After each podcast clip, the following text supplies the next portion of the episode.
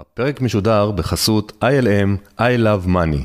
ILM רוצה לעזור לכם לפרוש לפני הפנסיה, וזאת בעזרת חיזוק ארבעת היסודות עליהם נשען החופש הכלכלי.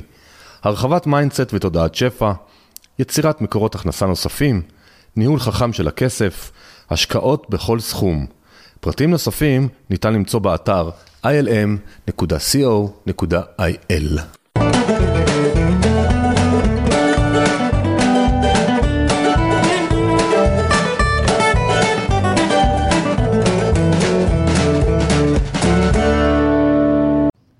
שלום לכולם, זה עמית. ברוכים הבאים לפרק 50 המיוחד בפודקאסט כסף והשקעות. הוא מיוחד כי זה 50. אני, את האמת, לא האמנתי שאני אגיע לכל כך uh, התמדה, והרבה בזכותכם הגעתי למעמד הזה, כי קיבלתי פידבקים טובים ותגובות מרגשות במשך השנתיים, זה כמעט שנתיים, אז uh, תודה שאתם מקשיבים. והיום יש לי פרק uh, מיוחד מבחינתי, כי אני מקליט אותו עם זוהר. שלום זוהר. אהלן.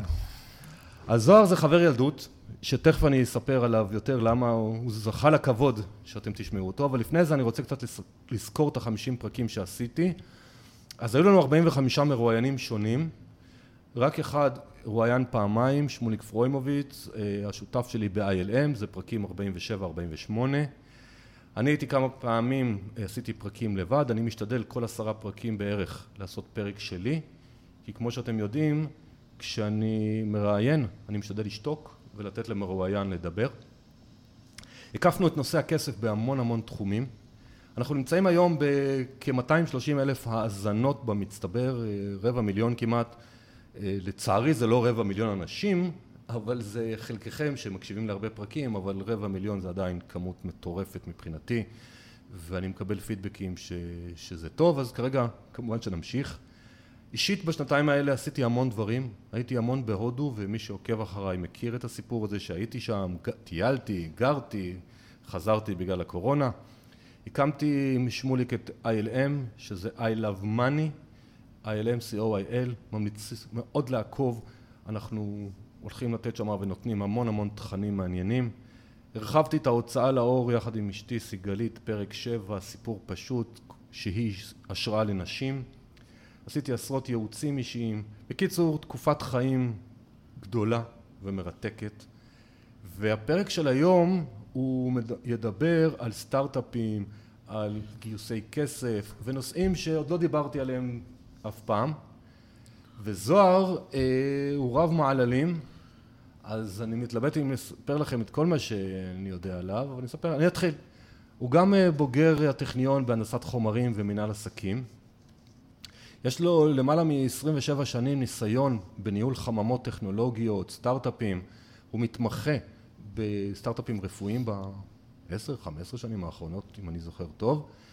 הוא היה שותף להרבה מאוד חברות שחלקן הפכו להיות ציבוריות ומוכרות כמו מזור רובוטיקה וכיום הוא מנהל את NGT שהיא קרן הון סיכון בעלת זיכיון מהרשות לחדשנות להפעלת חממה טכנולוגית בתחום הרפואה עם 22 חברות בפורטפוליו שהיא נמצאת בנצרת שזה גם דבר מעניין אה, שהם בחרו להיות בנצרת.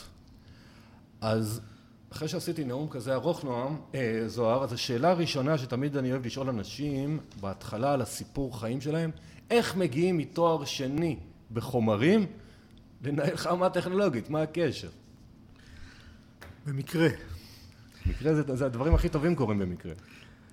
החיים שלנו זה, זה תמיד אתה מתכנן, ואחרי שאתה גומר לתכנן, אז המציאות מכוונת אותך בדרכים אחרות.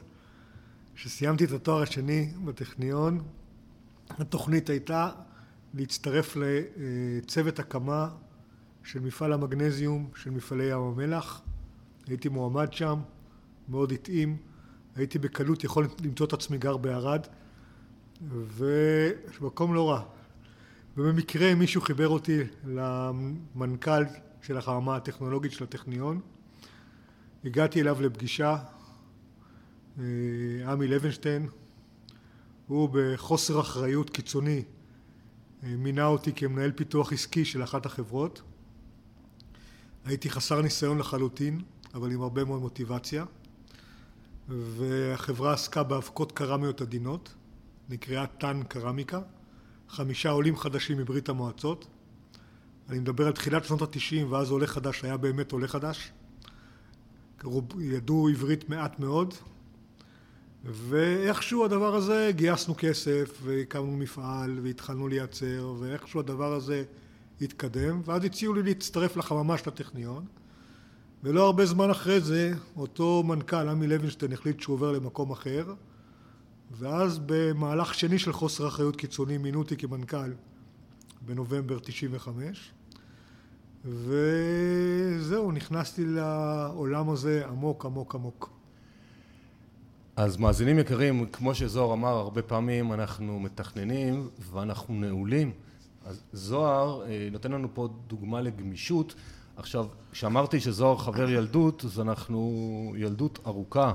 אנחנו למעלה מ-40 שנה מכירים, ואני ראיתי את השינוי שזוהר עשה בדרך, וזה ממש, ממש כיף היה לראות איך ההתפתחות, והוא 25 שנה בעולם הטכנולוגיה והחממות.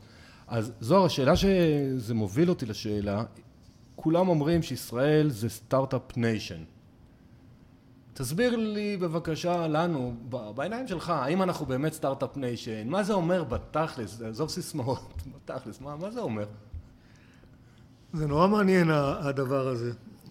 ישראל אה, אומרים שהיא start-up nation, אבל סך הכל מה זה, מה זה כל עולם הסטארט-אפים בישראל? כמה אנשים זה? במה מדובר כאילו? מדובר על כמות מאוד קטנה של אנשים, על אה, יגידו לך של כל תעשיית ההייטק במדינה זה 200-250 אלף איש, נניח הסטארט-אפים זה 50 אלף איש, 100 אלף איש, זה הסדרי גודל, זה, זה הכל מבחינת כמות אנשים, זה כמות אנשים מאוד מאוד קטנה. אבל מה שיפה במדינת ישראל, ואני חושב שזה נכון לא רק לעולם הסטארט-אפים, זה נכון לעולם הרפואי במלחמה בקורונה ונכון לעולם הצבאי שהולכים במלחמת יום כיפור או בלבנון השנייה או לא משנה איפה. יש אנשים מאוד מאוד טובים במדינה הזאת, אנשים מעולים, שיודעים לקחת יוזמה, יודעים לבצע. מי שמנהל אותנו בנושא הקורונה בהרבה מקרים כרגע זה גם מנכ"ל שיבא ומנכ"ל הדסה ומנכ"ל רמב"ם שהם יודעים לקחת יוזמה בעולם שלהם. ובעולמות הצבאיים אותו דבר שבלבנון השנייה ההסברים שלו, ההנחיות מהממשלה היו לא ברורות לאף אחד. בסופו של דבר המג"דים והמח"טים עשו את העבודה שלהם ואותו דבר פה בעולם הזה של הסטארט-אפים יש אנשים עם חזון, עם יזמות, עם רוח לחימה, עם רצון, אנשים חכמים והם אלה שיצרו את זה שאנחנו עושים דברים חצופים בעצם. הישראלים זה עם חצוף, לוקחים על עצמם משימות שהן גדולות אה, הרפתקאות נכנסים בקלות להרפתקה ואיכשהו בסוף הדרך בחלק מהמקרים זה מצליח, בהרבה מקרים זה לא מצליח. דבר מעניין זה אם תסתכלו על ישראל ביחס לשוודיה למשל, ישראל ושוודיה אותו גודל פחות או יותר מבחינת אוכלוסייה, גם על אותה רמת השכלה פחות או יותר, אנשים די, די דומים, תסתכלו כמות מהנדסים היא די דומה, אבל בשוודיה אנשים פחות הרפתקניים, פחות מוכנים לקחת סיכון ופחות יקימו סטארט-אפ, ושוודיה היא לא start-up nation, מהסיבות האלה, ולא מסיבות של ידע או תשתית טכנולוגית או דברים אחרים. הבנתי. אז קודם כל, אה, אני לא יודע מתי אתם תקשיבו לפרק הזה, כי לפרקים מקשיבים, לשמחתי, גם הרבה שנים, הלאה. אנחנו מקליטים את זה בספטמבר 2020, אנחנו עכשיו אה, בתחילת, אמצע, סוף, אף אחד לא יודע, גל שני, גל שלישי, קצת אה, חגים, אנחנו בתקופת חגים וסגרים וסיפורים, לכן אנחנו נזכיר אולי את הקורונה, כי אנחנו פשוט נמצאים שם. אני גם ראיתי בהודו שהם נורא התעניינו, אני עשיתי הרבה הרצאות שם בעולם החינוך והאדיוקיישן, ורצו להבין מה שונה בנו, למה אנחנו כי כשמודי היה בארץ, אה, ראש ממשלת הודו בזמנו, כשהוא חזר להודו, הוא אמר, אני רוצה שאתם תלמדו מהישראלים איך הם ב-20 קילומטר מרובע עושים יותר ממה שאנחנו עושים בכל הודו. עכשיו, מה הוא התכוון? מדינת תל אביב, תל אביב, הרצליה, רעננה, כל הסטארט-אפים. אז מה שאמרת שלוקחים יוזמה ו- ויזמות, זה משהו בחינוך, זה משהו בגנים, זה משהו מהצבא אנחנו לוקחים את זה איתנו. מה, איפה אתה מרגיש? כי אתה כל כך הרבה שנים שם. אני יכול לחשוב על, על כמה אה, מקורות לתוצאה הזאת. קודם כל, ישראל היא מדינה מאוד קטנה. קטנה ומבודדת. בניגוד להודו, בישראל אין שוק מקומי, כמעט לשום דבר. אנחנו נשים בצד מזון ונדל"ן שאנחנו בעולם ההייטק והביוטק לא נמצאים שם. אתה חייב לעבוד מול גורמי חוץ. אתה חייב לעבוד מול בארצות הברית, באירופה, ועכשיו נפתח בשנים האחרונות המזרח הרחוק, ובשנתיים שלוש האחרונות נפתחה גם אה, יפן בצורה משמעותית. אז זה אה, דבר אחד שהוא שונה מהותית בינינו לבין מדינות אחרות. דבר שני שהוא שונה, בישראל נוצרה במשך השנים תשתית מאוד מאוד טובה. אני מסתכל עכשיו על העולם הרפואי. בעולם הרפואי היום אם אתה רוצה לפתח מוצר, וממש לא משנה מה המוצר שלך, אז אתה צריך כמה דברים. אתה צריך קודם כל אנשים, מהנדסים, שיודעים לפתח. שיש לך מספיק מהנדסים ברמה טובה והכול. אני מדבר אחרי השלב שיש לך רעיון ויש צורך שוק. עוד מעט נדבר על זה. ויש את הדברים הבסיסיים. בישראל יש הרבה מאוד מאוד גופים שיודעים לפתח והרבה מאוד קשרים לגופים בחו"ל שיכולים לעזור לך לפתח. אתה צריך רופאים שיתמכו בך, יכוונו אותך ויעזרו לך וגם מנוסים. יש הרבה מאוד רופאים כאלה. אתה צריך מנהלים, מנהלים בכל מיני רמות, כי כל חברה אתה צריך CTO, מנהל ביזנס אה, דיבלופמנט, אתה צריך מנכ"ל, אתה צריך אנשים שיובילו את זה. עם השנים נוצרו פה הרבה מאוד אנשים שצברו ניסיון. גם כישלון זה ניסיון, וגם שני, שני כישלונות או שלושה כישלונות זה ניסיון. הרבה מאוד, הרבה מאוד דברים. בעולם הרפואי אתה חייב רגולציה. אז יש היום הרבה מאוד אנשים בישראל שיודעים מהר מאוד לעשות את הבדיקה איך, מה אתה צריך בשביל לקבל אישור ב-FDA, מה אתה צריך לקבל, בשביל לקבל אישור ברשויות האירופאיות ומה אתה צריך לקבל אישור גם ספציפיים יותר, בקוריאה או ביפן או בסין. נוצרה תשתית מאוד גדולה. בחלק של החינוך כל פעם מתלוננים במדינה שהחינוך פה מידרדר ויורד והכל, אבל, ואני רחוק מלהיות מומחה לחינוך, אבל בסופו של דבר האנשים שאני פוגש, גם האנשים הצעירים, אתה פוגש אנשים שהם תותחים. אנשים שתותחים עם המון ידע, המון יכולות, איך הם קיבלו אותם ממערכת החינוך היא זו, ש, היא זו שיצרה אותם, או שהידע הזה והיכולות האלה נוצרו בדרך אחרת בגלל אני לא יודע, סיבות אחרות אני לא יודע, אבל התוצאה היא שיש במדינה הזאת הרבה מאוד אנשים עם יכולות פנומנליות. מגניב. אז זה ממש מוביל אותי לשאלה הבאה. אני מאמין ומקווה שיש לנו מאזינים עכשיו שיש להם רעיון לסטארט-אפ. לא יודע אם רפואי או דלגית, בא לי להגיד דלגית דיגיטלית, לא יודע למה, כי ראית לי מנוף פה עכשיו עם, אה, של הנכד שעושה ועולה ויורד. איך מתחילים? תסתכל, אתה, אתה בעצם מההתחלה, משלב הרעיון ולאורך כל הדרך אתה עושה דבר אחד בלבד, מוריד סיכונים. עכשיו אם אתה בשלב הרעיון עוד לא נוצרו הסיכונים אז בוא נראה יש לך רעיון לא משנה מהו נניח הרעיון זה לשים אה, אה, לפתור אה, אה, בעיות של הרמונית מוגדלת. אתם יודעים ש... כל עד מאה אחוז מהאוכלוסייה מעל גיל תשעים תהיה להם הרמונית מוגדלת. ובגילאים יותר מוקדמים אז אה, האחוזים יורדים אבל אחת הבעיות הגדולות. אני סתם לוקח את זה בתור דוגמה נורא נפוצה המון מאוד מוכרת והמון כסף נמצא שם. אז יש בעיה. עכשיו הרעיון שלך זה פתרון לבעיה הזאת. יש אני יכול להגיד לכם שיש שם מלא פתרונות לבעיה הזאת. נכנסים עם לייזר וצורבים ליד נכנסים עם סטנט ומרחיבים כל מיני פתרונות. נניח יש לך פתרון של לשים סטנט אתה הראשון בעולם שחשב לשים סטנט בדרך, בצינור השופכה בשביל לאפשר שתן קל ומהיר בבעיה של ערמונית מוגדלת. נניח שזה הפתרון שלך. אז זיהית בעיה, זיהית צורך. זיהית פתרון. עכשיו השאלה זה, זה אתה חייב לעשות. כאילו, אם אין לך פת... בעיה אמיתית ואין לה פתרון אמיתי, אז אין לך בכלל בסיס רגע, רגע, רגע, פה אני רוצה רגע להתרחב, כי אני לא מנוסה כמוך בעולם הסטארט-אפים. אבל במעט שאני ראיתי, לפעמים מגיעים אליי כל מיני אנשים שרוצים, יש לי רעיון, ואני שואל אותם מה הרעיון, ואני שואל אותם, זאת בעיה שאתם המצאתם, או זו בעיה אמיתית? אז תעזור לנו בבקשה להבין איך יודעים שזאת באמת בעיה, כי אולי אני חלמתי על משהו והוא לא בעיה כזאת גדולה. זה, זה ש... אוקיי. זו שאלה מצוינת, השאלה הזאתי, כי זה שאתה חושב שיש בעיה, זה לא בהכרח אומר שיש בעיה, וגם לא בהכרח אומר שגם אם יש בעיה לא עובדים כרגע הרבה מאוד, לא עובדות הרבה מאוד קבוצות בשביל להביא פתרון לבעיה הזאת. אז דקה אחרי שיש לך את הכיוון של הבעיה ויש לך את הכיוון של הפתרון, צריך להתחיל לבדוק ולראות מה, מה קורה. בבדיקה אנחנו בדרך כלל עובדים בשני שלבים. סקנדרי ראשון דווקא והפריימרי השני. הסקנדרי זה עבודה מול האינטרנט. היום באינטרנט אתה לא צריך לספר לאף אחד, היהודים יכול למצוא כמות מידע מטורפת.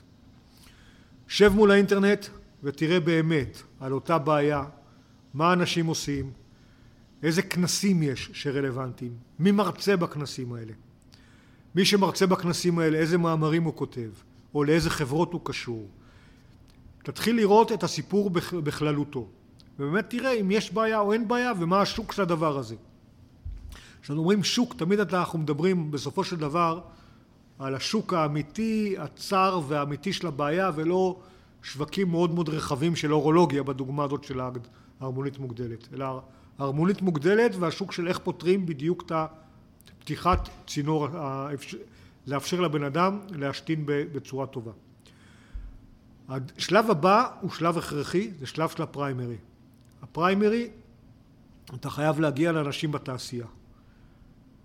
לא אחד, אלא רצוי כמה, נניח ארבעה חמישה. בדרך כלל אדם בתעשייה, בעולמות שלנו, יודע מה קורה בעולם. בעולם שלו הוא יודע בוודאות מה קורה. אתה אחרי שיחה אחת, יכול להיות שכבר סגרו לך את החלום ואת הבעיה ואת הכל, ויכול להיות שלא, ויכול להיות שכיוונו אותך והזיזו אותך קצת ימינה ושמאלה, אבל אחרי ארבע חמש שיחות עם אנשים, אתה כבר יכול לדעת שברמת סבירות די טובה, אם כולם מבינים שיש בעיה וכולם יודעים שהמצב של השוק הוא, הפתרונות שקיימים לא מספיק טובים מסיבות א', ב', ג', ד', כנראה שיש לך כיוון נכון, יש לך בעיה ויש לך פתרון. אנחנו עוד לא יודעים לכמת את זה בהכרח, אנחנו לא יודעים מה הערך של זה, אבל יודעים שיש בעיה ופתרון. הבנתי. אז אני דווקא, זה בעולמות התוכן שלך, אני מנחש, אני לא יודע שבעולמות אולי של תוכנות או אפליקציות, זה בטח התהליך הוא אחר, אבל אני, אין לי מושג. אבל תמיד תחפשו באמת בעיה, כי להמציא בעיה לפתרון, זה בדרך כלל לא יביא לכם את הכסף. אז בוא, בוא נמשיך רגע זוהר, בעולמות התוכן שלך, היותר מורכבים ומסובכים, מהם אנשים יגזרו לעולמות תוכן שלהם. פגישה עם משקיע. יש לי, בדקתי, יש לי עכשיו אה, בעיה אמיתית, יש לי רעיון לפתרון, יש לי עכשיו, מישהו סידר לי כמו שסידרו לך להיפגש עם מישהו בטכניון, להיפגש עם מישהו שהוא משקיע. מה חשוב כשבאים למשקיע? האם חשוב הצוות? האם חשוב המצגת? האם חשוב הסיפור? האם חשוב המוצר? כלומר, תעזור לנו קצת למי שלא מכיר, אליך פונים הרי עשרות. ואתה, יש לך את השיטות שלך כבר, שאתה מיין, כן, לא, שחור לבן. תן לנו קצת טיפים איך, איך הסטארט-אפיסט צריך להתכונן לפגישה עם המשקיע. אוקיי, זו שאלה אה, אה, לא קלה. זו שאלה שהיא... אני לא הבטחתי לך שיהיה לך קל. אתה מכיר אותי? לא, אמרת לי בוא נדבר, לא אמרת לי שאתה הולך... בסדר, אבל אמרתי לך, מקליטים אותנו, אז אנחנו כאילו נהיה מסודרים ולא נספר להם את הכל בינינו. אפשר, אנחנו בואו נסתכל על זה מכמה זוויות, מכמה מישורים, בסדר? מישור אחד, שאתה בא לפגישה עם בן אדם, תבדוק מי הבן אדם. תנסה ללמוד מול עם מי אתה מדבר לפני שהגעת לפגישה ותתכונן בהתאם. אם הבן אדם הוא, הוא ניהל קרן הון סיכון בעברו זה בן אדם אחד, אם הבן אדם הוא ניהל חברה ל... אני לא יודע לאיזשהו תחום ספציפי זה בן אדם אחר, אם הבן אדם הוא איש נדל"ן זה בן אדם שלישי, אם הבן אדם מייצג קבוצת משקיעים, אם אדם הוא, הוא, הוא מייצ... אתה קודם כל צריך לדעת עם מי אתה מדבר, זה דבר ראשון. אחרי שאתה יודע עם מי אתה מדבר, אז אתה צריך להיות מוכן מהצד שלך, ואחר כך אני אגיב על עוד דברים שהם יותר אה, נישתיים. מהצד שלך, שאתה בא לבקש בבן אדם כסף, לגייס כסף, אתה צריך לדעת כמה דברים בסיסיים. א', אתה צריך, ש...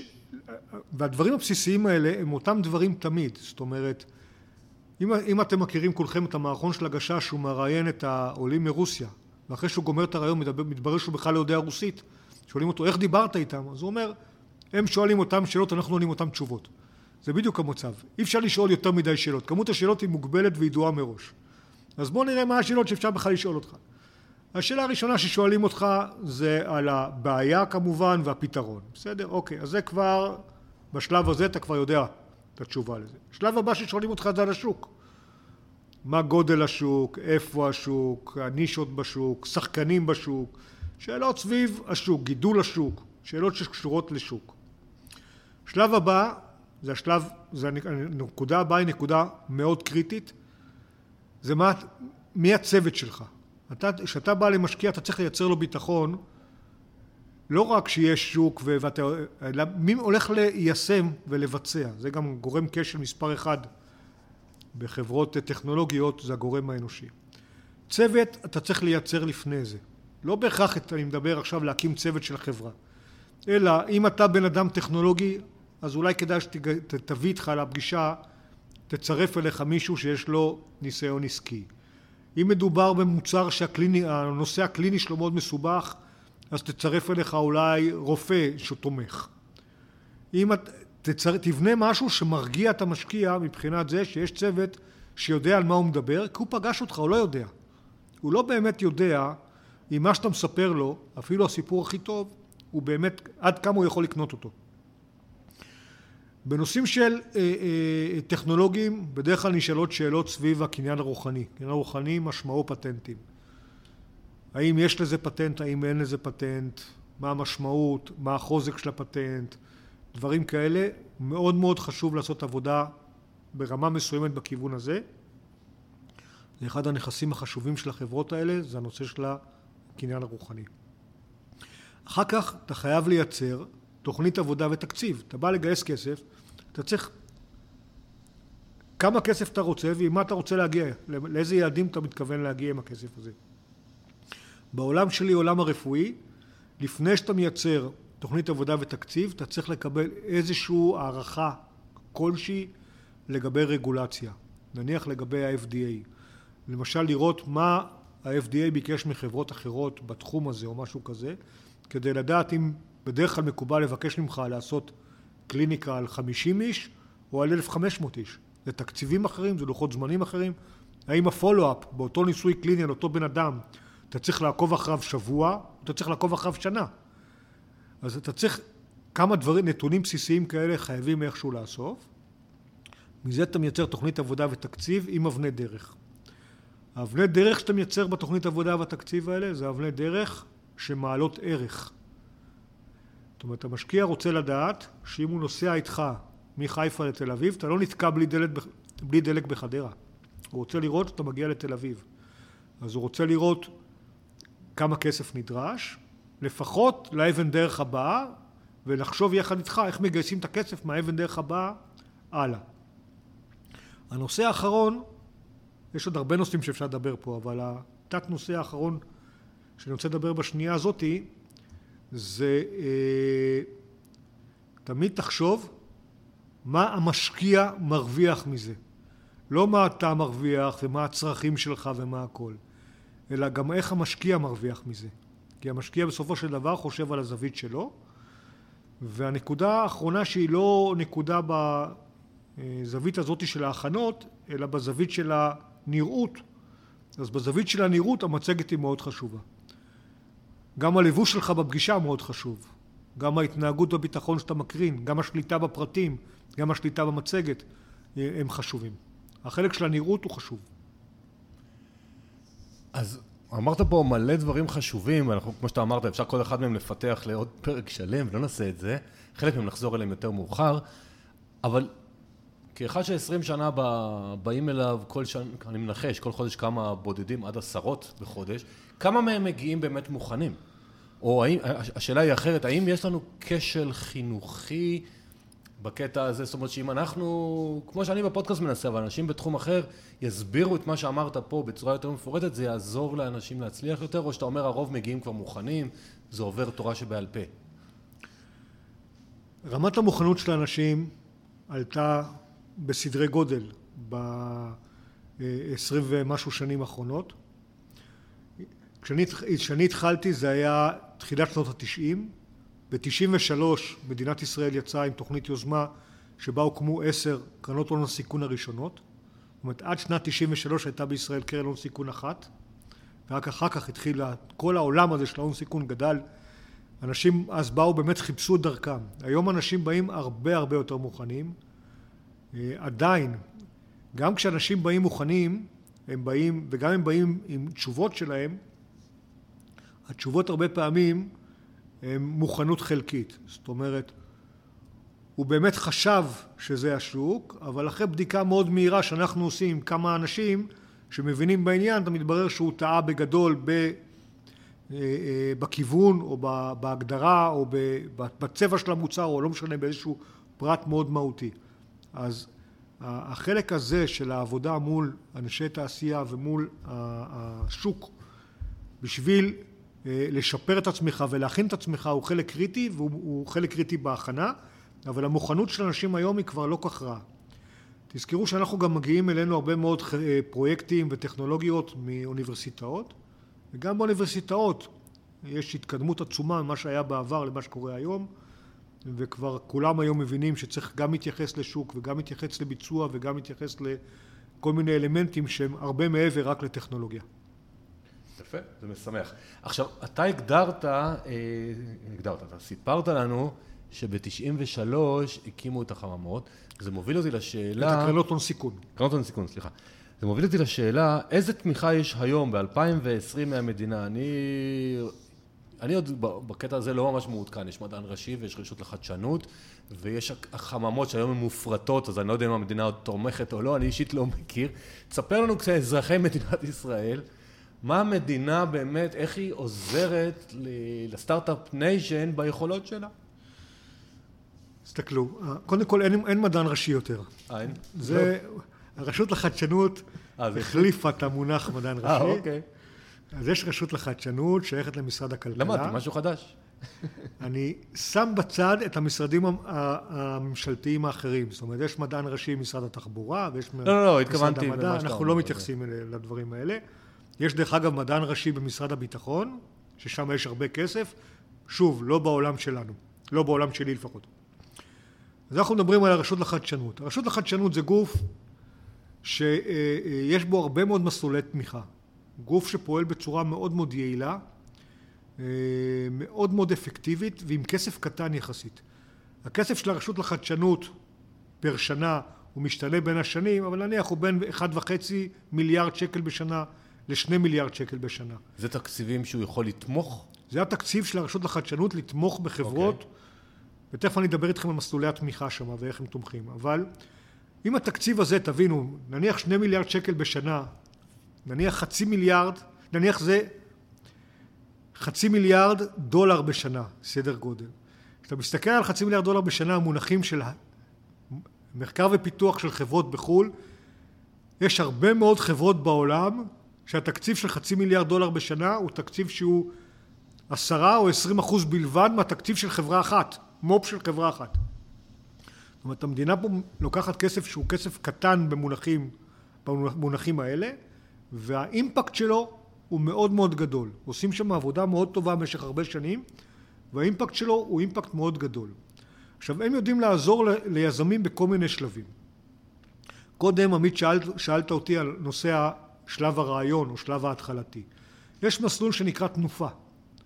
במסלול תנופה אפשר לקבל עד פעמיים מאה אלף שקל, זאת אומרת עד מאתיים אלף שקל, שהרשות לחדשנות נותנת שמונים וחמישה אחוז מהכסף כמענק ו-15% צריך להביא מהבית. זאת אומרת, אפשר עם, יחסית עם כסף שהוא אפשרי, שום סכום הוא לא סכום קטן, אבל עם כסף שהוא אפשרי אפשר לבנות אב טיפוס, לעשות סקר פטנטים, לעשות בדיקת שוק, לעשות לא מעט דברים, 200 אלף שקל זה סכום לא קטן, אפשר לעשות אותו די הרבה דברים.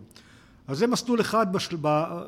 ליזמויות. מסלולים אחרים, יש מסלול של חברות מתחילות, שזה מסלול מרכזי. מסלול של חברות מתחילות יכול להגיע לתקציב של עשרה מיליון ש"ח, יכול, אתה יכול להגיש גם בקשה ל-800 אלף ש"ח או על 2 מיליון, כל סכום שהוא, ושם האחוז תמיכה הוא בדרך כלל עד 50 אחוז. בפריפריה זה גדל ל-60 אחוז. יש עוד מגוון של מסלולים, מגוון של מסלולי פיילוט ותעשייה מסורתית והכול, נשים את זה בצד, נלך לעולם שיותר קרוב לליבי, עולם של החרמות הטכנולוגיות. עמית, מה שאמרת מקודם, האם החממות היו מופרטות, החממות היו תמיד פרטיות. מהקמה של החממות טכנולוגיות. לא, פעם אני זוכר עוד היו נותנים איזשהו תקציבים גדולים לכל פרויקט חדש, אני לא יודע איך זה היום, שעוד אני התעסקתי עם זה בשנות התשעים, היה איזה 35 אחוז תקציב מדען לכל פרויקט, היה כל מיני... לחלוטין, יש תקציבים לפרויקטים, אבל חממות הם גופים פרטיים לחלוטין. אה, אוקיי. והמסגרת של חממות טכנולוגיות היום, היום זה נקרא המודל השלישי של החממות, הוא לקראת הסוף שלו.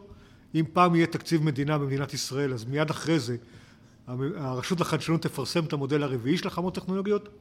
במודל השלישי יש במדינת ישראל 20 חממות טכנולוגיות, חצי בערך מהם ממדעי החיים. הבעלות בהם היום אצלנו, אצלנו ב-NGT בעלות היא פרטית, 21 שותפים, אמריקאים, ספרדים, ישראלים, הודי אחד. ברוב החממות הבעלות היא אחרת, היא בעלות של מולטינשיונלס. היום שותפים בחממות במדינת ישראל חברות כמו פיליפס והאצ'יסון ונילסן וג'ונסון אנד ג'ונסון ובוסטון סיינטיפיק וקרנות גדולות כמו אורבימט ופיטנגו ו-JVP וכל מיני גופים כאלה מאוד מאוד חזקים. אז החממות הן גופים פרטיים מאוד חזקים. ובגדול כשבן אדם בא לחממה טכנולוגית נניח אם הוא בא אליי ל-NGT שאני בפריפריה אז יש לי עוד תקציב מועד, אה, יותר גדול קצת. במכשור רפואי הוא מקבל תקציב של שלושה מיליון ש"ח לשנתיים הראשונות בפארמה הוא מקבל שישה מיליון לא, ש"ח. לא, אבל בשלושה מיליון ש"ח כמה הוא צריך להביא אבל מהבית? אפס. הוא מקבל שלושה מיליון ש"ח לשנתיים הראשונות, וואו, ובפארמה שישה מיליון ש"ח לשלוש שנים הראשונות. לא רק שלא צריך להביא מהבית, חלק מהזיכיון של החממות הטכנולוגיות אומר שאסור להם לדרוש מה, מהיזם חלק מהמימון המשלים למימון של המדינה. הן צריכות להביא לו מענה שלם. יפה, והמימון משלים, אה, מה, שהיה, מה שאני זוכר פעם. אז אם את, האם המדינה, האם היזם יכול להתחיל נגיד עם שלושה מיליון שקל עם אפס הון עצמי שלו, או שהחממה מחויבת לתת לו גם עוד איזה שהם סכומים מההון שלה, לא, לא, חלק, מה, חלק מהשלושה מיליון ש"ח זה כלב, כסף של החממה לחלוטין. אה, אוקיי. היזם מבחינתו, לא כך מעניין אותו באמת. לא, לא, זה בסדר, לא, לא הבנתי, חשבתי ש, שזה רק המדינה. לא, בקיצור, לא. אז אתה כפטריוט אמיתי, אתה אומר, המדינה בקטע הזה, זה מגניב, היא עושה עבודה טובה ועוזרת לנו. בהחלט. אז עכשיו אני רוצה, תכף נתקרב גם קצת לעולם המאזינים עם הכסף היותר קטן, אבל רגע לפני זה, אחוזי הצלחה.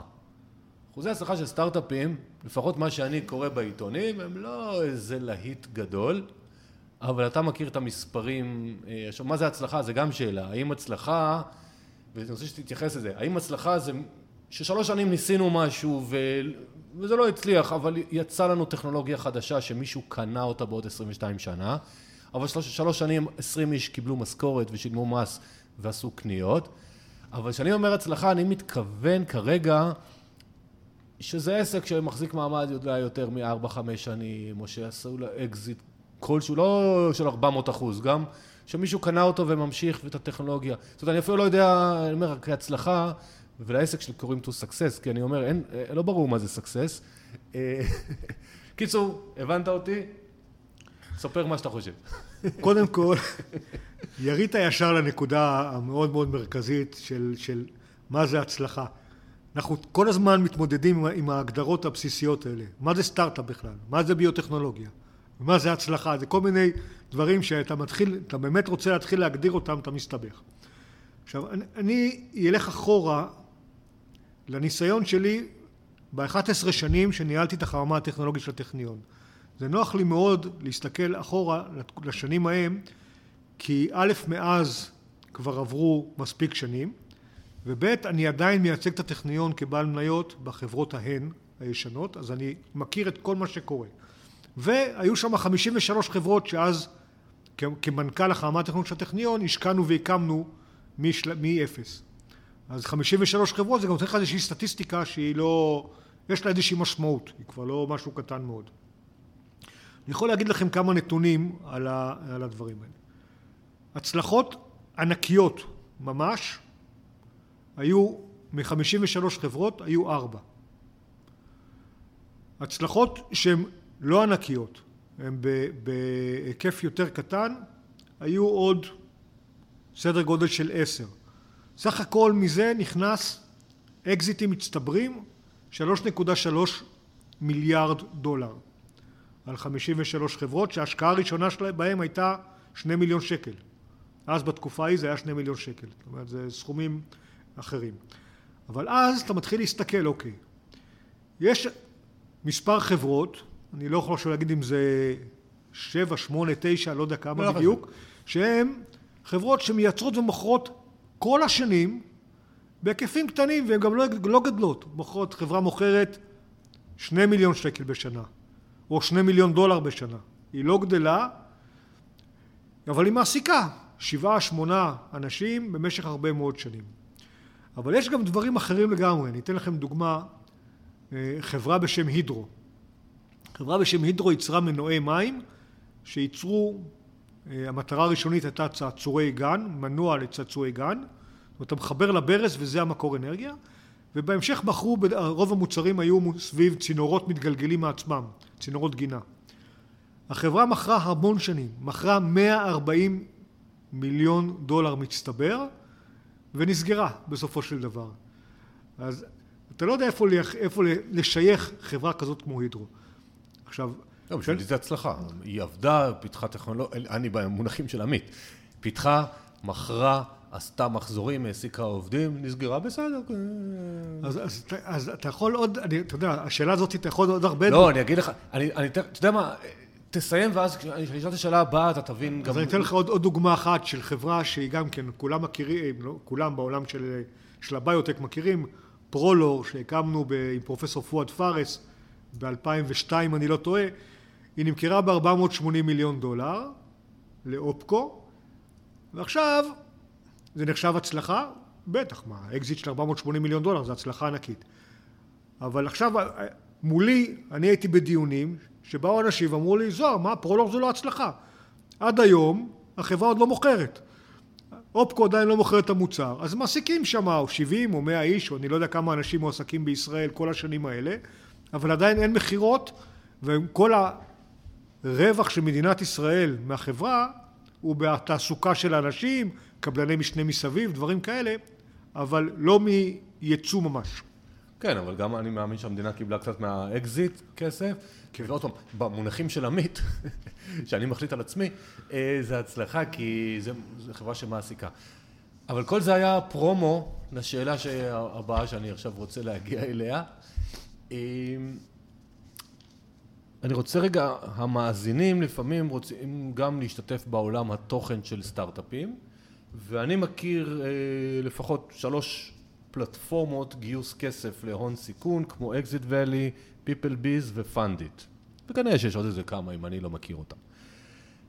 אני רוצה שנדבר על זה רגע משתי נקודות המבט. אתה גם גייסת הון שם, ואני רוצה שנדבר גם מנקודת המבט של המגייס וגם מנקודת המבט של המשקיע. אתה יכול לתת הרבה מהמגייס, במשקיע אולי אני אתווכח איתך, כי כמגייס אני לא יודע. אז תסביר לי בבקשה איזה אינטרס יש לחברה לבוא לאחת מהפלטפורמות האלה במקום ללכת לגוף כזה או אחר. כי אמרת שבארץ יש כסף, יש משקיעים, יש משקיעים בחו"ל. למה לבוא לגייס כסף בפלטפורמה? תסתכלו, אם אתם, אם מסתכלים על המסלול ביכולת גיוס של חברת אה, סטארט-אפ רפואית צעירה, לא קל לה.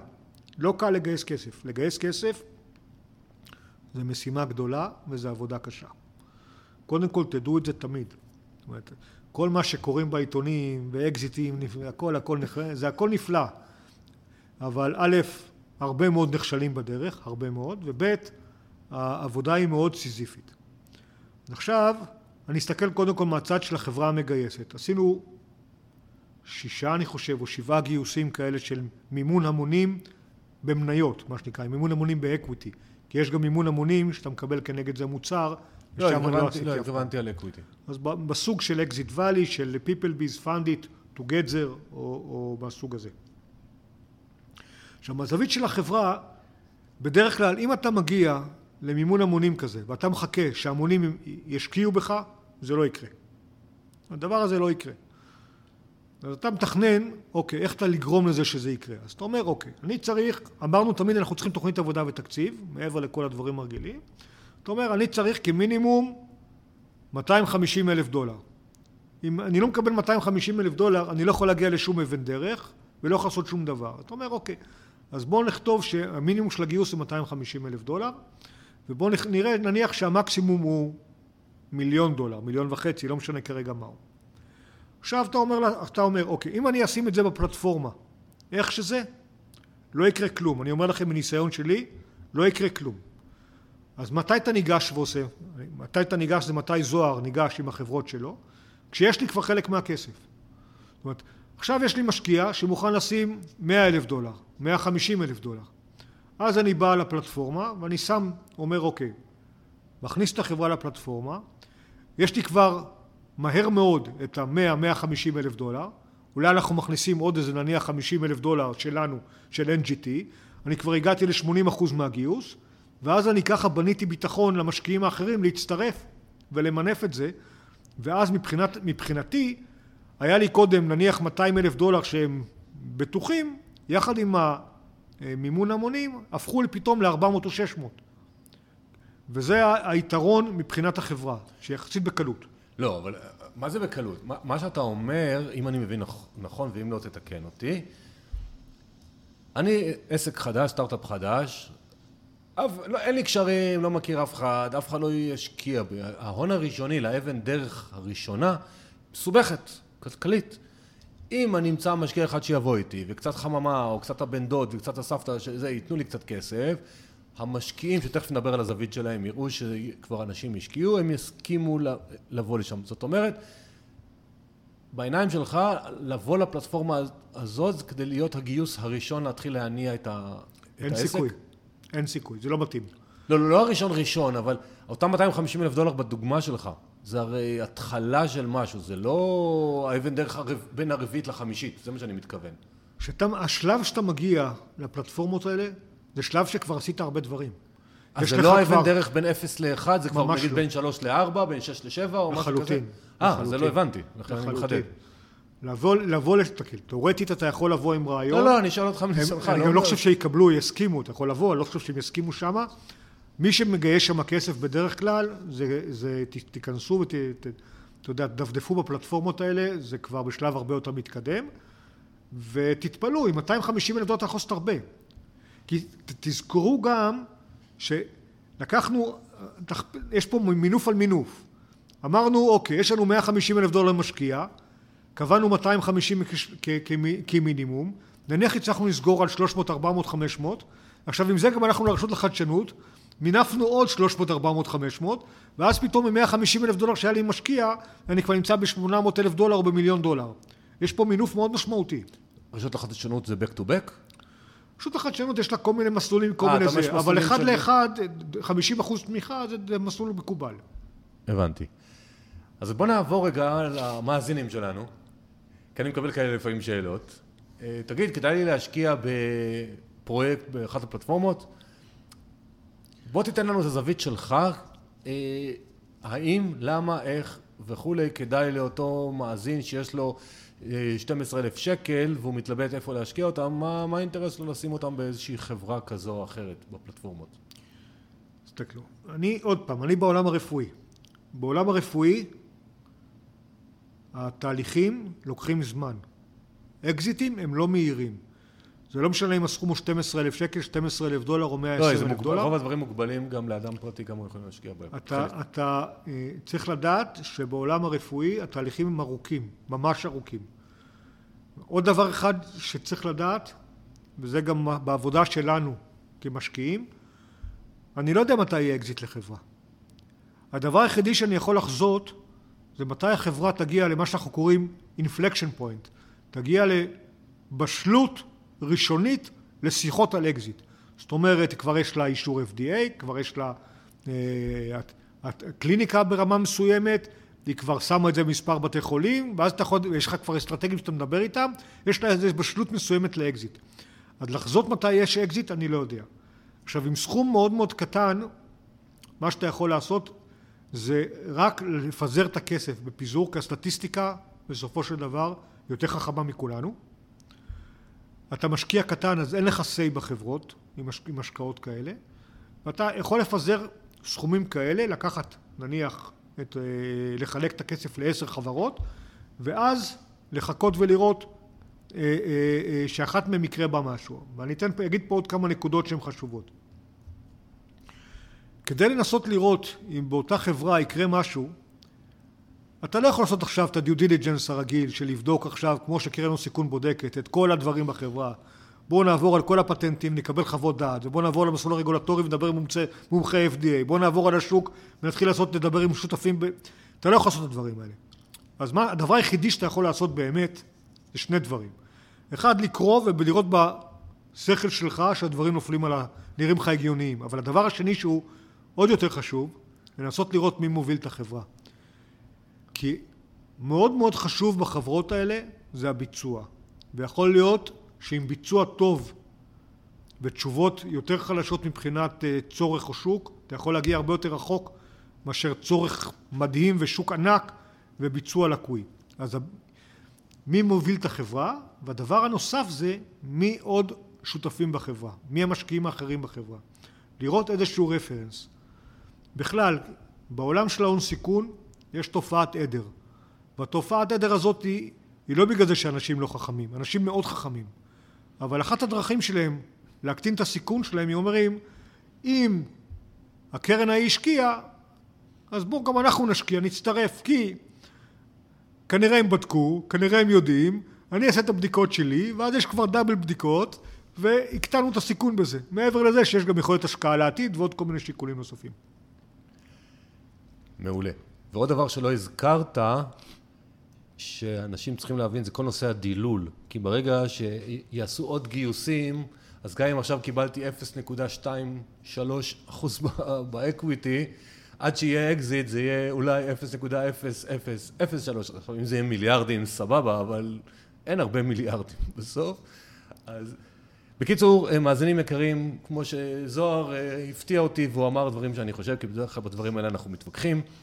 אה, איזשהו הימור, סיכון, סבבה. כאילו מי שרוצה שבפורטפוליו ההשקעות שלו יהיה גם דברים עם סיכוי סיכון לא מדיד, אבל אולי בוננזה גדולה, שימו שם איזשהו סכום, פיזור כזה או אחר, ואולי תצליחו, ואם לא, לא נורא, ניסיתם ולמדתם תחום חדש. תן לי משפט אחד אולי לנושא של הדילול.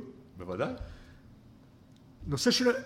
אין לך, אין לך כמשקיע קטן דרך להתגבר על נושא הדילול, בסדר? קודם כל, דילול שמתייחסים בחברות, זה מה שנקרא בדילול מלא. דילול מלא זה אומר גם מניות וגם אופציות, ואז לך לחשב בדיוק מה הערך של זה ומה יהיה השקעות בעתיד, מה יהיה שווי חברה בהשקעות בעתיד והכל, אין לך דרך לדעת את זה. מה שאותך מעניין בחברה זה כמה מניות יש לך ומה המחיר למניה ששילמת. אתה רוצה לראות שבשלב האקזיט המחיר למניה שתקבל הוא הרבה יותר גדול מהמחיר למניה ששילמת כי מספר המניות שלך זה מספר קבוע. זה הדבר שהכי מעניין אותך. אם כחלק מהעסקה יש גם וורנט כלשהו, זאת אומרת אופציה כלשהי, זאת אומרת יכולת בעתיד, בעוד שנה, שנתיים, שלוש, להשקיע באותו מחיר למניה או עם עליית ערך קטנה, אחרי שהסיכון כבר קטן במידה מסוימת, יש לזה גם כן ערך משמעותי. והפלטפורמות לפעמים נותנות את ה... נותנות, כן? נותנות את זה, כן. Okay. אוקיי. הזכרת לא מעט בדרך ואני רוצה שאנשים קצת יבינו, גם בגלל תקופת הקורונה וגם בגלל שזאת הזדמנות קצת להבין את עולם הרפואי, אני רוצה שתספר לנו קצת על תהליך האישור של מוצרים. עכשיו גם פה זה עולם שלם, יש מוצרים רפואיים אה, כאילו חיצוניים לגוף ופנימיים. אם אתה זוכר, בשנת 97 או 8, זה היה לפני מלא שנים, דיברנו על, שאני ליוויתי איזה פרויקט רפואי בחממה של אלישע ילין בקצרין, אה, שהיה איזה מוצר רפואי סטנטים לשיניים ודברים כאלה.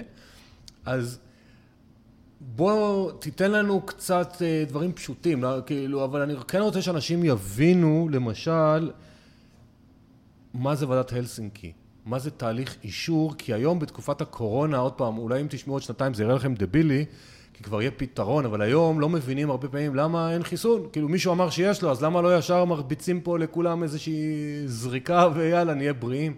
תספר לנו קצת על ועדת הלסינקי, קצת על אישורי FDA. תן לנו קצת מאחורי הקלעים של העולם הרפואי, זה, יש לך לזה מקסימום חמש-שש דקות, כי אתה אחרי זה לא יכול לדבר על זה ארבע שעות.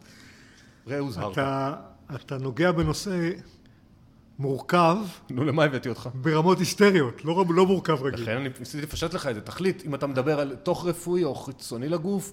אנחנו נתעסק רק בארצות הברית, בסדר? כן, ברור, לא, לא. ארצות הברית. כן, כן. ואנחנו נתעסק רק האיחוד במכשור, האמירויות גם עוד מעט ייפתח, אבל זה אנחנו נשמור לפודקאסט אחר. נדבר רק על מכשור רפואי, נשים בצד את עולם הפארמה. מה שאתה רוצה, רק שתיתן לאנשים קצת טיפה להבין למה אין לנו וקסין. וקסין זה פארמה, מה דעתי? תראה, אני מחזיר אותך. לא, לא, לך, על מה שאתה... קצת אני רוצה שאנשים יבינו קצת למה זה לוקח הרבה זמן, מה זה התהליכים. אנשים לא מכירים, אז בוא. אתה- בעצם כשיש לך מוצר רפואי, אתה רוצה לבדוק אותו. עכשיו, אתה עשית את המוצר, בדקת אותו במעבדה. גמרת את השלב של המעבדה, ברוב המקרים, במוצרים רפואיים, אתה מחפש חיית מודל רלוונטית. אם אתה במוצר קרדיולוגי, המודל בדרך כלל זה חזירים או כבשים. אם אתה ב- ב- בעור, יכול להיות ארנבות. אתה מחפש מודל רלוונטי בחיות, כי אתה רוצה לייצר ביטחון גם לעצמך וגם לאחרים, לפני שניגשים לניסוי באדם. כי ניסוי באדם כולם מבינים, אנחנו לא, אדם זה לא ארנבת ולא עכבר, אתה רוצה להיות כמה שיותר בטוח. אז בעצם לפני ניסוי באדם אתה הולך ועושה שני דברים. דבר אחד שאתה עושה זה את אותם ניסויי חיות, וגם לזה יש ועדות אתיות בכל מדינה, בטח בישראל. יש ועדה אתית ארצית ויש ועדות אתיות מקומיות ויש אישורים, ואתה צריך להסביר בדיוק למה אתה עושה ולמה אתה צריך עשרה עכברים או חמש חולדות ומה בדיוק הניסוי. ואת הניסוי הזה גם אתה צריך לעשות בצורה מבוקרת, כי אם אתה רוצה להשתמש בו לצורכי רגולציה, ה-FDA לא מקבל ניסוי, בעיקרון כל מיני סייגים, שהוא לא מה שנקרא GLP, Good Laboratory Practice, יש כל מיני כללים לניסוי. לא ניסוי לא עושים ככה חפלאפ, אלא צריך בצורה מסודרת מאוד. עכשיו את ה... במקביל לניסויי חיות, יש כל מיני ניסויי בטיחות אחרים שאתה חייב לעשות לכל מוצר. את הניסויי בטיחות האלה אתה בדרך כלל מסכם עם הגוף הרגולטורי מראש. לא משנה אם הוא האירופאי או ה-FDA, אתה מסכם מה הם דורשים ממך, אנחנו קוראים לזה V&V, Verification and Validation. ניסויים שאומרים בוא נראה שהוא לא גורם לאיריטציה של העור, בוא נראה שאם המוצר. נכנס לתוך הגוף יש לו ביוקומפטביליות, הוא לא גורם לנזק, בוא נראה, יש חוקים שונים למוצרים, יש כל מיני, הסיפור הזה הוא סיפור גדול, אבל אתה צריך לעשות V&V, בדיקות בטיחות ולהראות את המוצר, אתה גם חייב להראות יעילות למוצר, אם אין יעילות אף רשות רגולטורית לא תרשה לך להתקרב לאף אחד. עכשיו השלב הבא זה השלב של ניסויי אדם. לא בכל מוצר בשביל לקבל אישור רגולטורי אתה חייב ניסויי אדם. לפעמים הרשויות, ה-FDA מרשה לך לקבל אישור ללא ניסוי אדם. אבל בעצם אתה תמיד עושה ניסוי אדם, כי אין דרך לשווק מוצר, אף אחד לא יקנה מוצר שלא נוסע, לא עשו, לא עשו ניסויים מסודרים. כשאתה בא לניסוי אדם, שם יש את הוועדת הלסינקי. הוועדת הלסינקי זה ועדה מקומית של כל מרכז רפואי, שהיא המוסמכת לתת את האישור בסופו של דבר, ואז יש כללים מתי הוועדה הזאת צריכה גם אישור של המדינה ומתי לא, אבל זה כבר בגדול תאורטית הבעיה של הוועדה. לפעמים אנחנו רוצים לקדם ולעזור, אז אנחנו דואגים לעזור שהמדינה תיתן את האישור, משרד הבריאות בישראל. אבל יש את הוועדת הלסינקי, בארצות הברית זה נקרא IRB, הוועדה הזאת, שממנה אתה חייב לקבל אישור, אתה נותן לה פרוטוקול מפורט, כל מה שאתה רוצה לעשות, עם איזה ביטוח יש לך, עם הקריטריונים לקבלת מטופל ולאי קבלת מטופל, ומה המטרות של הניסוי, ומה ה-end points, מה, מה היעדים הכמותיים של הניסוי, שמאוד מאוד חשוב לכתוב אותם ומאוד חכם, צריך לכתוב אותם בצורה מאוד חכמה, כי אתה רוצה להצליח בהם מצד אחד, ואתה רוצה מצד שני, על בסיסם, אם הכל טוב, תקבל את האישור הרגולטורי, ואם בבדיקה אמרת שאתה יותר טוב מכל מוצר אחר, ואני לא משנה במה, אז יגידו לך, אוקיי, בוא, איך הוכחת את זה בניסוי הקליני שלך? תגיד לי, מה, על בסיס מה אתה אומר את זה? הם יאשרו לך רק דברים שהוכחת.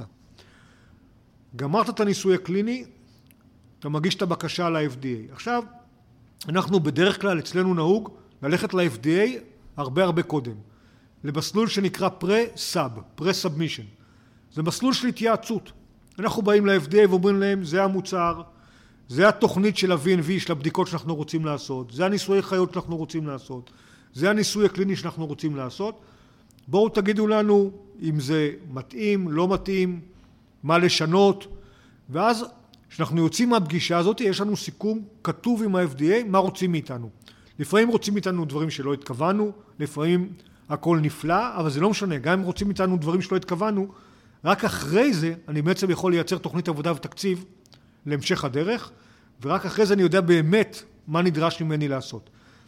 כשאני מגיע אחרי הניסוי הקליני ואחרי כל הבדיקות ועושה את ההגשה ל-FDA, אז אני עושה אותו בהתאם למה שסיכמנו ב pre-sub. עוד משפט אחד אחרון, ב-FDA בגדול, אם תדבר על מכשור רפואי, יש לך שלוש קטגוריות, שלושה מישורים. המישור שנקרא 510K, 510K, זה המישור לכאורה הכי קל. יש את המישור שנקרא דה נובו, שהוא יותר, יותר מסובך, ויש את המישור שנקרא PMA, Pre-Market Approval, שהוא המישור הכי הכי כבד. מתי אתה מתאים ל-510K? בגדול, שוב פעם, זה עם המון המון כללים בתוכו, בגדול אתה מתאים ל-510K שיש שני דברים. אחד, במילים, במונחים שלהם יש לך פרדיקט. יש מוצר שעושה משהו דומה. ואז אתה אומר, אם אישרתם את אותו, אני באותו רמת סיכון, אתה מנסה לשכנע שאתה דומה לו, ואז אתה מנסה לשכנע שגם התוכנית שלך היא תוכנית דומה, ואז אולי הם יאשרו אותך 510K. זה לא קשור עם קליניקה או בלי קליניקה, אבל הסייג לזה, שזה מוצר שהוא לא אה, אה, מוצר מושתל. אם המוצר הוא מה שנקרא קלאס 3, מוצר מושתל, הוא יהיה תמיד PMA. אי אפשר לקבל על בסיס predicate במסלול של 510K. מתי אתה מסלול de novo? אתה אומר, אוקיי, יש לי, מהמוצר ההוא אני דומה לו בדבר הזה, מהמוצר הזה אני דומה בדבר הזה, יש לי שני predicate למשל, יש, הרבה יותר מורכב מזה, אומרים לך, אם יש לך שני predicate, אז בוא תוכיח לנו יותר. תעשה יותר עבודה ואתה מסלול של de novo. בקיצור, אני מקווה שעכשיו השתכנעתם שיש סיבה למה תהליכים של מוצרים רפואיים יותר ארוכים, וגם אולי לקבל יותר ביטחון, שאם הרופא ממליץ לנו איזשהו משהו, אולי באמת מישהו בדק את זה. אה, אנחנו די מתקרבים לסוף, אז שאלה לפני האחרונה, הרבה פעמים אני מאוד מתרשם מהחברות שאתה נפגש איתן, שאתה מגייס כסף. אז היה פעם עולם כזה מוזר שהיה אפשר לנסוע ולטוס, אבל... אבל אתה הצלחת לגייס אה, חברות בינלאומיות מג'ונסון אנד ג'ונסון וכדומה, להשקיע בחברות בארץ. מה אתה יכול לספר לנו על תהליך כללית, על אותם מאזינים שרוצים להתחיל לגייס משקיעים פוטנציאליים, חברות גדולות בחו"ל ובעלי הון, איך מגיעים לשם? זה, זה בגלל הרקורד האישי שלך, זה רקורד של חממה, זה חבר מביא חבר, איך, איך בכלל מגיעים לגייס כספים מהגופים הבאמת גדולים האלה, שיש להם תקציבים? אני, אני רוצה לאכזב אותך. לחברת סטארט-אפ צעירה לא ייכנס כסף מגוף גדול. בסדר, אז אל תאכזב. קודם כל אנחנו רוצים להגיד לאנשים את המציאות, אנחנו לא... אין פה, אין לי אג'נדה נסתרת. תמיד אנחנו כולנו מכירים את החברות הגדולות. ג'ונסון וג'ונסון ומדטרוניק ובוסטון סיינטיפיק ורוש ואבוט וסנט ג'וד וכל החברות הגדולות. פיליפס וכל אלה. בחברות הגדולות קשה להם מאוד להשקיע בחברות סטארט-אפ צעירות. אתה יודע, העולם שלנו זה לא עולם של מתמטיקה שאתה יכול להגיד אף פעם לא יקרה. לא, לא. אז זה קורה לפעמים, אבל בגדול זה, זה דבר שהוא נדיר מאוד ומאוד מאוד קשה להם, מהמון סיבות שלא ניכנס לזה עכשיו, כי זה דיון גדול בפני עצמו.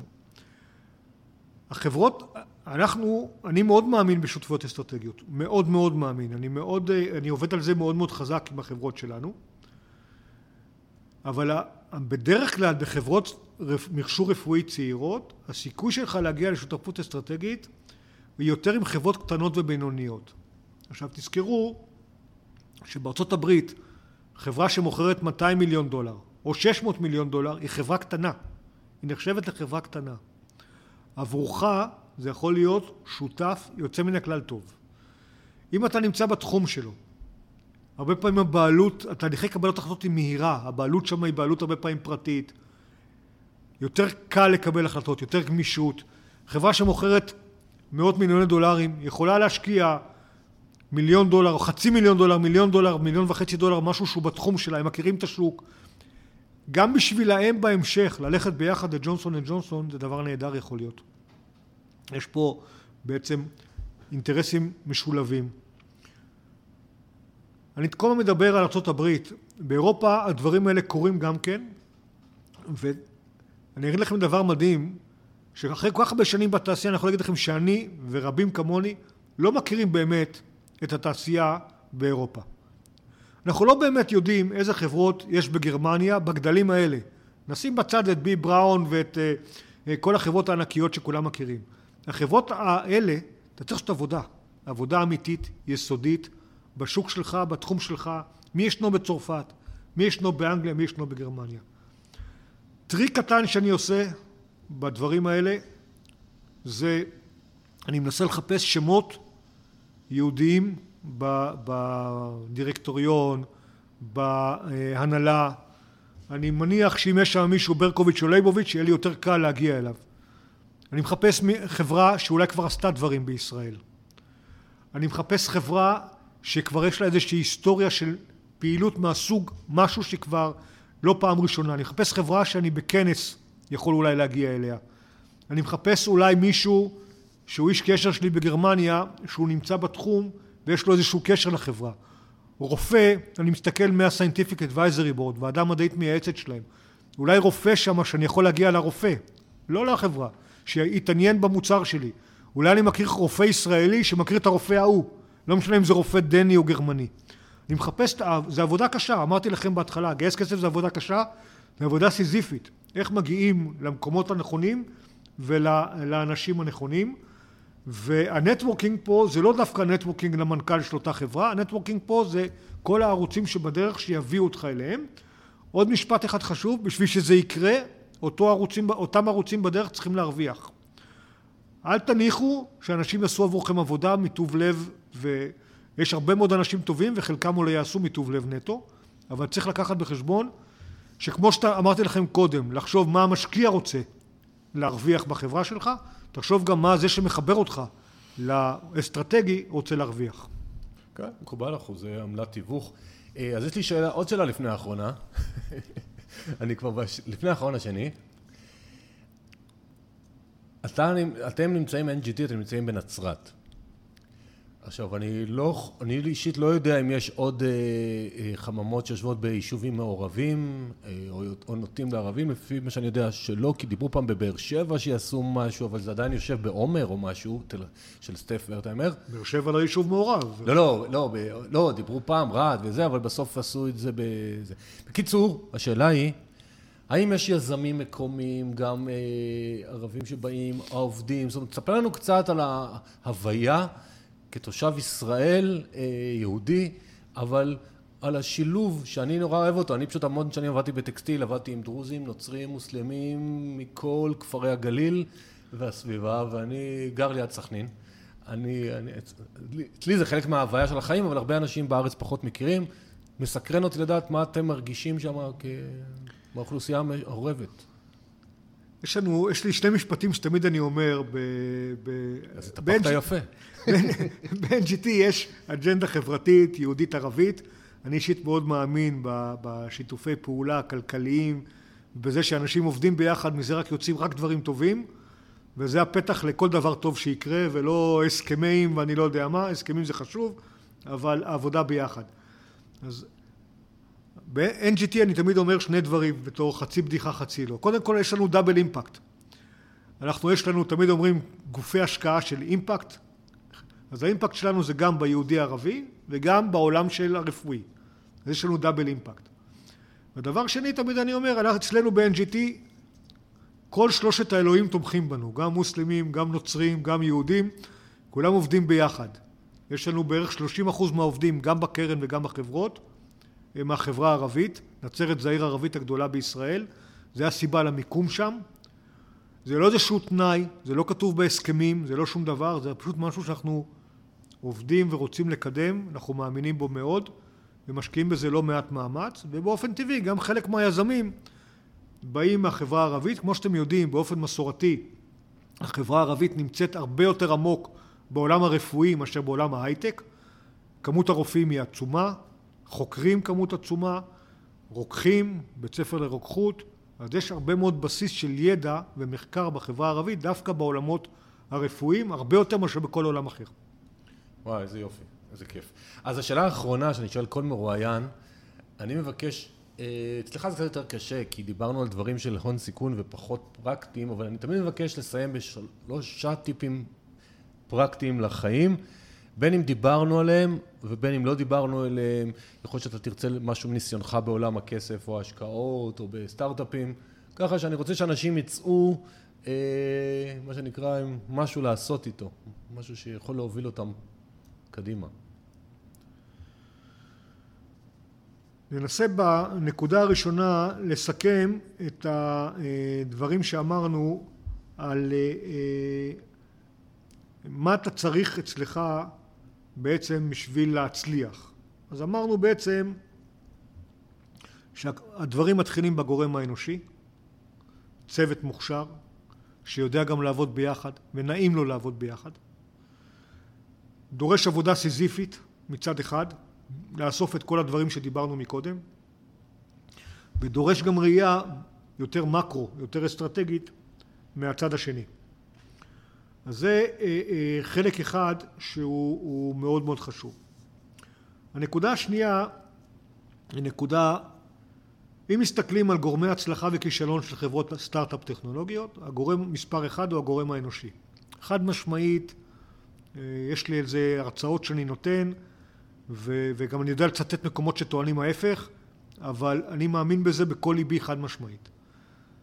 עכשיו, אבל הגורם, הטיפ פה הוא הרבה יותר עמוק מאשר הצוות שיש לך. כי הגורם האנושי בחברת סטארט-אפ הוא כולם. הוא בעלי המניות והדירקטורים והמשקיעים והצוות.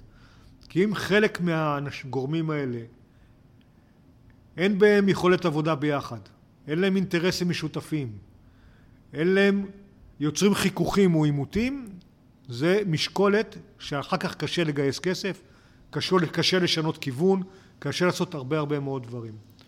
והטיפ השלישי הוא טיפ מרכזי לכל חברת סטארט-אפ. כל מה שאתה עושה בחברה וכל הסכם שאתה חותם, תמיד תדאג שכולם יהיו באותה סירה. כולם באותה סירה, כולם מרוויחים ביחד וכולם מפסידים ביחד. זאת אומרת, אין מצב למשל של הסכם שבו מישהו יש לו הגנה בפני דילול. שמגייסים כסף, הוא לא מדולל. מה המשמעות? הוא לא אכפת לו מערך החברה, מבחינתו תגייס כמה שיותר, אחרים אומרים אני מפחדים להיות מדוללים, מדוללים גם עבורו, מיד נכנסנו למלכוד ולמקום שאנחנו לא רוצים להיות בו.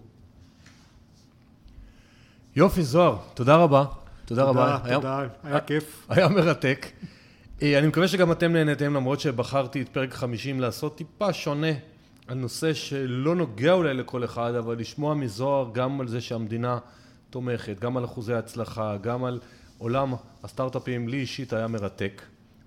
בבקשה תספרו לחברים שלכם על הפודקאסט כסף והשקעות, הוא נמצא ביוטיוב, הוא נמצא באתר שלי www.2invest.co.il הוא נמצא בכל פלטפורמת אה, פודקאסטים אפשרית, ספוטיפיי, ספרו להם שגם הם ייהנו וילמדו מכל החמישים הפרקים שכבר עשינו. אה, אני מזמין אתכם שוב להכיר את ILM, I Love Money, גישה חדשה לעולם הכסף, מדברים על כסף, נהנים מכסף, אוהבים אותו כי זה כלי בחיים, ilm.co.il ותעשו שם את השאלון איזה סוג משקיע אתם, יש שם אחלה שאלון שעשיתי ובעזרתכם נגיע לפרק 100, אולי, לא יודע. אז תודה רבה ונשתמע. תודה עמית, היה כיף.